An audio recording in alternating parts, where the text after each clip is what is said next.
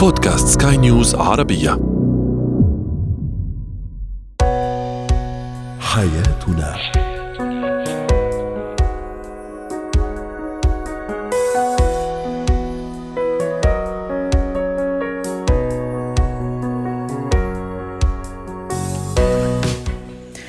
مستمعينا الكرام أهلا بكم. معنا إلى حياتنا فضاؤكم اليومي الذي يعنى بشؤون الأسرة وباقي الشؤون الحياتية الأخرى والذي يمكنكم الاستماع إليه.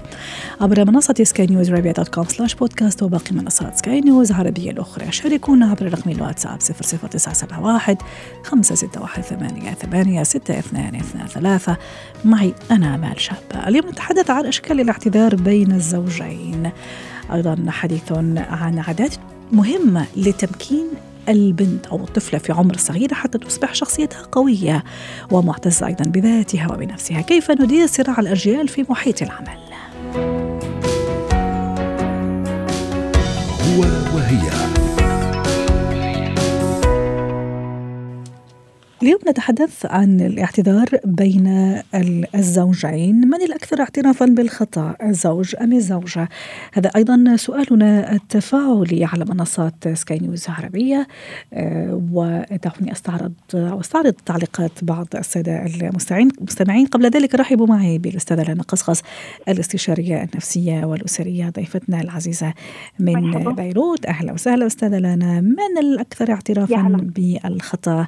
أنت أم الشريك. تعليق محمد يقول أنا أول من يعترف بخطئه لزوجتي وأسارع للاعتذار. هدى تقول حسب الموقف قد أبادر أنا بالاعتذار وقد يبادر هو للاعتذار. وأخيرا تعليق آخر سالم يقول هي عادة التي تبادر إلى الاعتذار وأحيانا أنا بصراحة يعني لا أتقبل هذا الاعتذار خاصة إذا كانت فعلا قد يعني أخطأت في حقي.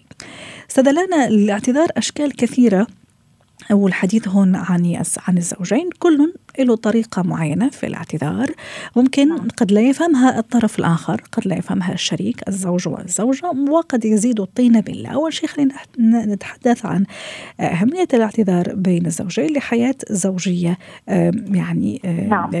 مستمرة ولديمومة هذا الزواج كيف فعلا هذا الاعتذار يشكل شيء كثير ضروري في الكبل أو في الحياة بين الزوجين نعم الاعتذار هو شيء ضروري جدا بالعلاقة لأنه خلينا يعني شوية نفسر ما هو الاعتذار، الاعتذار هو التعبير عن الأسف والندم بال عن أفعال قام بها الشريك أو الشريكة أدت لأذى.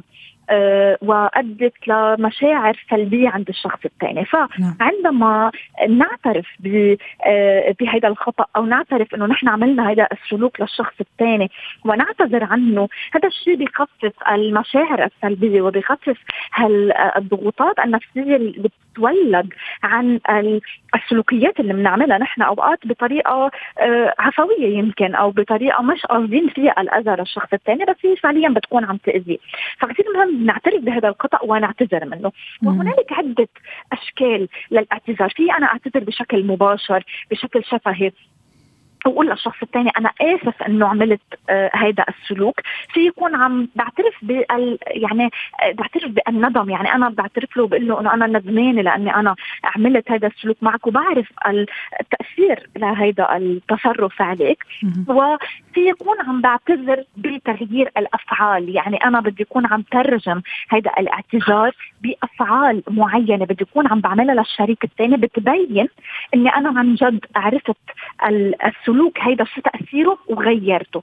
فهيدي إذا بدك نعم. ثلاث أنواع من الاعتذار اللي معقول يكون أنا عم مارسهم ويكونوا حقيقيين ويكونوا عن جد أه. وفيهم النية الجيدة تجاه الشريك. نعم. يعني عجبتني فكرة إنه يكونوا حقيقيين لأنه كمان ما فائدة الاعتذار إذا رجعنا مرة أخرى بنفس الأخطاء إن لم يكن يعني بأكثرها يعني آه، أو أخطاء أخرى. المهم يعني إنه آه، الاعتذار فعلا يكون دائما مصحوب ومقترن بنية صادقة. إنه فعلا إحنا ما نرجع نقع في نفس الخطأ أو في أخطاء أخرى ممكن تزعل الشريك مننا. أستاذ لنا ممكن أحيانا كمان ممكن يزيد الأمور تعقيدا أو الأمر تعقيدا. خلينا نقول مثلا الزوجة يعني قامت بخطأ معين زعل الشريك. بس الشريك ممكن هون ما يحكي هو يتوقع ويفترض إنه هي راح تفهم من نفسها إنه ترى هي أخطأت ويجب أنه تعتذر. في حين أنه هي يعني مش مش حاطة في بالها أصلا أنه هي ممكن زعلته. والعكس صحيح كمان. نعم. ممكن هو يزعلها يعمل شيء بيزعلها. هو بالنسبة له عادي مرقت الأمور لكن ممكن هي لا. وتتوقع منه أنه هو يعني يفهم ويتفهم انه أنه زعلت وتتوقع كمان نوع أو طريقة معينة من الاعتذار. هلا بحال كيف لي أنا أعرف أنه الشريك آه زعلان مني أو من تصرفي خليني أكون عم بقول لأنه أحلى ما نكون عندنا تندنسي نحن نكون عم ناخذ الأمور بشكل شخصي، كيف بدي أعرف إنه هو زعل من التصرف تاعولي؟ وأنا ما عبرت له أو هو ما عبر لي. فالوضوح الوضوح بإني أنا أكون عم بتعامل مع الشخص الثاني ووضح له إنه أنا هذا السلوك زعجني والسلوك هذا أنا برفض إنه يكون عم بيتم أو عم يتكرر. شيء جدا مهم لحتى آه، يعرف الشخص الثاني أنا شو احتياجاتي وشو خطوط الحمر تاعولي وشو الأمور اللي بتزعجني لأنه في تصرف معين أنا بعمله. معقول يكون عم يزعجك بس ما بكون عم بيزعج شخص ثاني. طيب كيف بدي اكون عم بعرف أنا تصرفاتي إذا هي آه، مناسبة ولا آه، تؤذي الشخص الثاني إذا ما كان في تعبير واضح وما كان في تواصل شفاف ما بين الشريكين. فكتير مهم نعرف إنه أنا لازم أعبر بلحظتها إنه أنا أو إذا مش بلحظتها لأنه الوضع غير مناسب. بعبر بالوقت المناسب للشخص الثاني إنه التصرف اللي أنت عملته اليوم ازعجني وأنا لا أقبل فيه. وهون على الشريك الثاني إنه يكون عم يرجع يعمل مراجعة لحساباته ومراجعة لتصرفاته ويكون عم يعتذر يعني آه، بعد ما يكون عن جد يعني راجع الأمور اللي عملها. طب وإذا اعتذر أو اعتذرت ورجعت مرة أخرى بنفس ال بنفس ال الخطأ يعني هذا دليل على إيش؟ على شو؟ هل ممكن هو مش فعلا مش فاهم أو مش مقدره وهي مش مقدرة؟ يعني جسامة الخطأ قديش وقعوا علي أو عليها أو عليه يعني على زوجه وزوجه آه، كبير ولا هذا طبع كمان ممكن الواحد خلاص يتجاوزه يعني ويتكيف معه حتى الأمور تمشي. نعم. هلا هون صار في عنا عدة احتمالات بنحكي عليها. أشخاص ما بيعترفوا إنه هم إنه هن عملوا خطأ. مم. ما بيعترفوا إنه هن أذوا الشخص الثاني بكونوا يمكن متمحورين حول ذاتهم. فما بيهمهم مشاعر الشخص الثاني حتى لو أنا عم بعمل تصرف عم بأذي في الشخص الثاني ما بيهمني المهم أنا أكون مرتاحة. وهون شوي خطر هيدي النوع من الشخصية لأنه ما بتعتذر. وما لا وأنا كمان قص... إيه. عم تدرك إنه هي خطأت جميل. يعني الشخصية اللي ما بتعتذر يعني هذه مشكلة. بس قصدي كمان في شخصيات أو أزواج يعتذروا أو زوجات يعتذرن إنه سوري أنا آسفة أو أنا آسف خلاص بعرف إنه زعلتك أو زعلتك بس بعد فترة ممكن الخطأ يرجع يتكرر مرة أخرى. يعني كيف التصرف مع هذا الشخص؟ اللي فعلا يعتذر ثم يرجع مرة أخرى بنفس الخطأ. هلأ نحن على طول بنقول إنه التصرفات آه، بتحكي وبتترجم النية الفعلية أكثر من الحكي. وعشان هيك كنت عم بقول من الأول إنه الاعتذار لازم يكون صادق ولازم يكون عن جد فيه نيه من التغيير. لأنه أنا إذا عم كرر هذا الخطأ شو معناته؟ طيب شو عم بقول لحالي؟ معناته أنا مشاعر الشخص الثاني ما عم تعني لي بالشكل اللي لازم تكون عم تعني لي فيه. يمكن عم بستهزئ أو أو عم بستخف بمشاعره أو مش عاطيته القيمه الكافيه أو اللازم للشخص الثاني. وهذا اللي لازم نكون عم برجع بتفكر فيه. يعني أنا إذا أنا الشخص اللي عم بتعرض لتصرف خاطئ والشخص اللي مقابلي عم بيعتذر كل مرة وما عم بغير طب آه بدي أرجع أتفكر شو قيمتي عند الشخص الثاني هل هو عن جد بي بي نعم. بهمه زعلي بهمه إنه أنا مضايقة ولا ما بهمه فهذا الموضوع لازم نكون عم بسال فيه. وأوقات بيكون في تصرفات عم تتكرر من الشخص الثاني نتيجة آه تعود على سلوكيات معينة آه ونتيجة آه، يمكن أوقات وسواس قهري معين. يعني أوقات في أشخاص يمكن هيك بعض الأمور البسيطة بتصير بالحياة الزوجية إنه أنا حدا بيكون يعني مثلا امرأة آه، قاعدة مثلا بالليل بعد شغلها عم تحضر تجي. الرجل بيكون عنده وسواس قهري بالنظافة أو بالترتيب خلص ما ما بيخليها تكون عم تقعد. بده يرتب بده بده يعمل أمور. فهي عم بيزعجها هذا التصرف. بس هو ما عم بيعمل بقصد الأذية لها عم بيعمل هذا طيب. الشيء بقصد طيب. هو مش قادر يضبط أعصابه. أستاذة لنا اخر آخر سؤال كمان ممكن طيب. أشرنا ليه ضمنيا وحابة نعم. كمان يعني آه، يعني نحكي عليه لكن باختصار. وتسمحي لي؟ أي أنا ممكن أعتذر أعتذر بطريقة ما. يعني أنا أشوفها صحيحة. ممكن أجيب شيء أشتري نعم. بوكيه ورد مثلا يعني أي شيء ممكن بطاقة مثلا أعزمها أو أعزمه مثلا على نشوف مثلا موفي في سينما هذه طريقتي في الاعتذار. بس ممكن هو ما يتقبلها وما بتعجبه أو ما بتعجبها. كيف كمان إنه لا يعني أنا أحترم طريقته في الاعتذار أو طريقتها في الاعتذار وخلاص. يعني مو شرط إني تكون على هوايا أو حتى توافق بما أنا يرضيني. ولا لا لازم العكس نعم. فعلا تكون على هوايا. الاعتذار هو موجه للشخص الثاني. فبالتالي أنا لازم أستخدم اللغة الشخص الثاني بيفهمها أو أو بيقدر يكون آه عم ترضي. يعني إذا الشخص الثاني بده آه بي يعني بيرضى بلغة الكلام بدي يكون عم بعتذر منه بشكل شخصي مم. بشكل كلامي. إذا الشخص الثاني بيرتاح وبينبسط بالأشياء المادية بدي يكون عم بعتذر منه بأمور مادية. بس يخوف إنه الأمور المادية الكثير غالية كمان لا صح صح مضبوط وهون أنا بدي من الأساس أكون عارفة إنه أنا عم بختار عم بختار هذا الشيء اللي هو اهتماماته هيك ولغة الحب عنده هيك. يعني لازم أكون عم بتقبل هذا الموضوع لأنه أنا اخترت هذا الشريك. مم. فبالتالي لغة الاعتذار واضح. تتوافق مع لغة الحب. واضح. شكرا لك لنا أصاص الاستشاريه النفسيه ضيفتي العزيزة من بيروت. زينة الحياة. اليوم نتحدث عن طرق مهمة وعادات مهمة لتمكين البنت تحديدا. نرحب معي بالدكتورة منى الأملوم الخبيرة النفسية والتربوية. أسعد أوقاتك دكتورة منى. من دون شك أنه تربية أطفالنا هي مسؤولية دائما يعني كبيرة. يتحملها الآباء والأمهات سواء كانوا يربوا بنت أو ولد. اليوم حبينا نحكي عن البنت تحديدا. عادات مهمة لتمكينها. حتى تكون شخصية قوية شخصية ذكية شخصية معتزة أيضا بذاتها وبنفسها.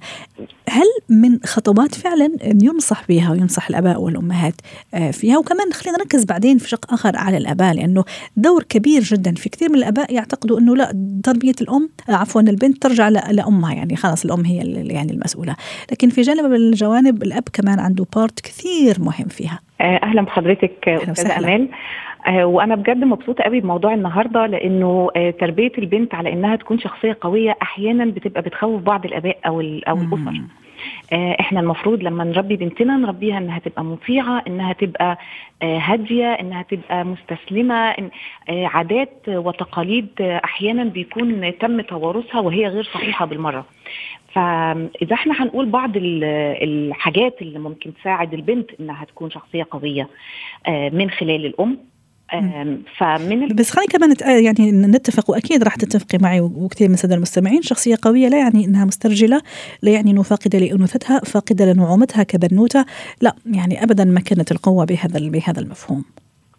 اطلاقا صحيح. اطلاقا. هي أنثى وشخصية رقيقة وقوية. لأنه أحيانا كمان الناس بتخلط ما بين الرقة والقوة مع إن 100% عكسها القسوة والقوة عكسها الضعف. 100% فهي تبقى قوية ورقيقة ده شيء رائع ولكن إنها تبقى ضعيفة وشخصية يعني بتستسلم أو كده ده أكيد مش هيكون شيء مرغوب فيه لأن الشخصية القوية هي اللي بتقدر يبقى تحفيزها من جوه. مع يعني إحنا لو حبينا نقول يعني إيه شخصية قوية شخصية لما بيكون عايزة تعمل حاجة بتتحفز داخليا وما بتستناش حد يقول لها أيوة روحي اعملي الحاجة دي هي عارفة هي عايزة تعمل إيه وبتتحرك ناحيته. فنقطة مهمة جدا إنها تكون متوضحة للأسر فعلا.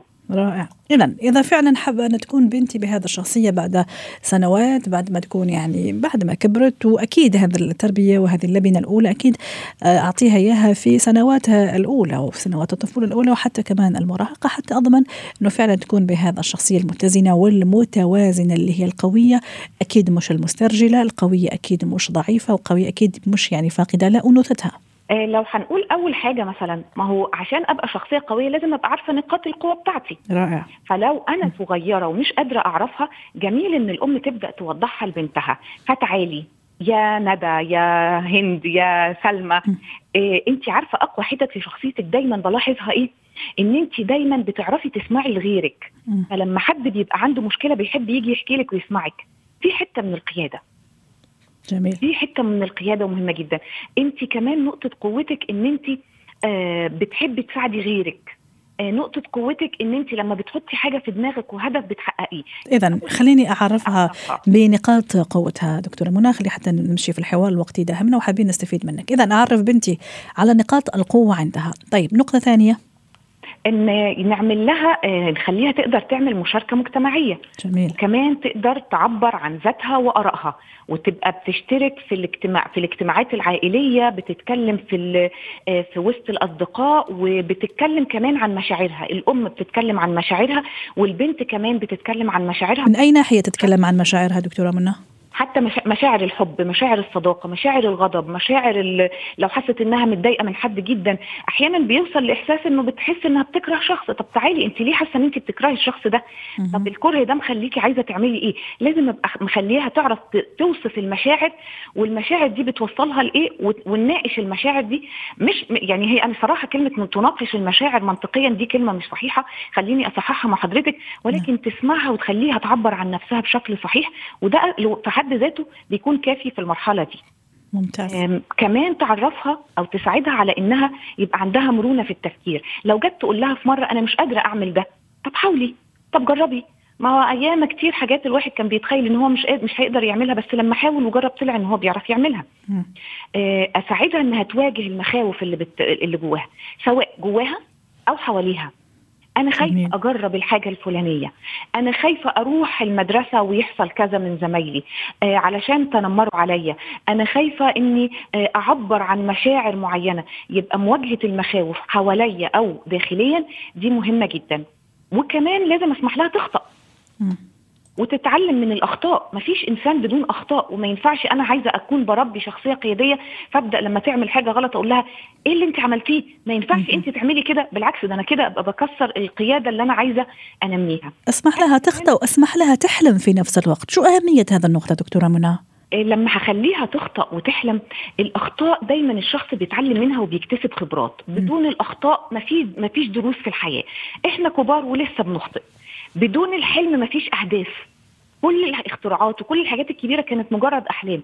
فكل ما الإنسان بيكون قادر إن هو يحلم بيبقى قادر ينطلق من خطوة ومرحلة وستيب هو واقف فيها. لحاجة أبعد.